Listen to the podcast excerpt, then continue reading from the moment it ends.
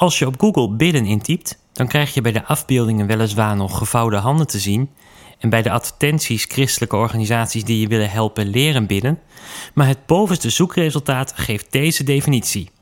Bidden is het op dezelfde plaats in de lucht blijven hangen door snellere vleugelslagen te maken. Alleen vleesetende vogels zoals roofvogels of uilen bidden. Vorige week ben ik begonnen met een serie overdenkingen over bidden. Om samen met u het mysterie van bidden te ontrafelen en de kracht van bidden te ontdekken of opnieuw te ontdekken. Van Oswald Chambers leerden we tot nu toe al twee dingen. Allereerst dat bidden bedoeld is om God beter te leren kennen. En ook dat bidden onszelf verandert.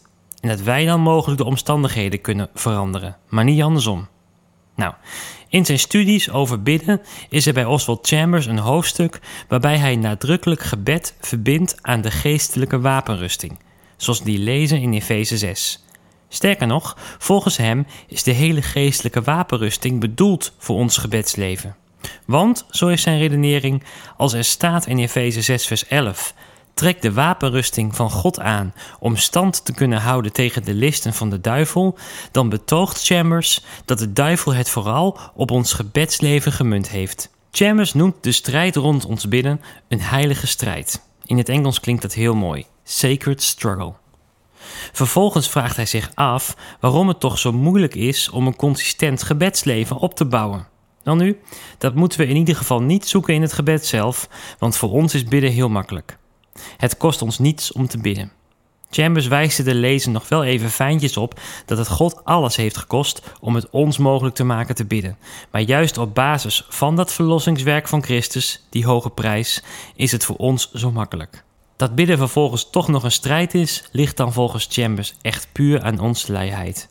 Als we moeite hebben met bidden, dan is de vijand aan de willende hand. Tijd om in te grijpen, volgens Chambers. Daarom moedigt hij ons aan om veel te trainen in gebed.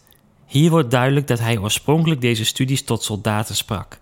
Hij wijst hen erop dat soldaten ook goed getraind moeten zijn om hun hoofd koel te houden in moeilijke situaties.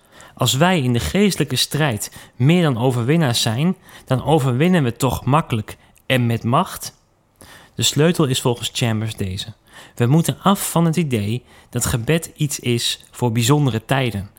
Er bestaat niet zoiets als een geestelijke vakantie.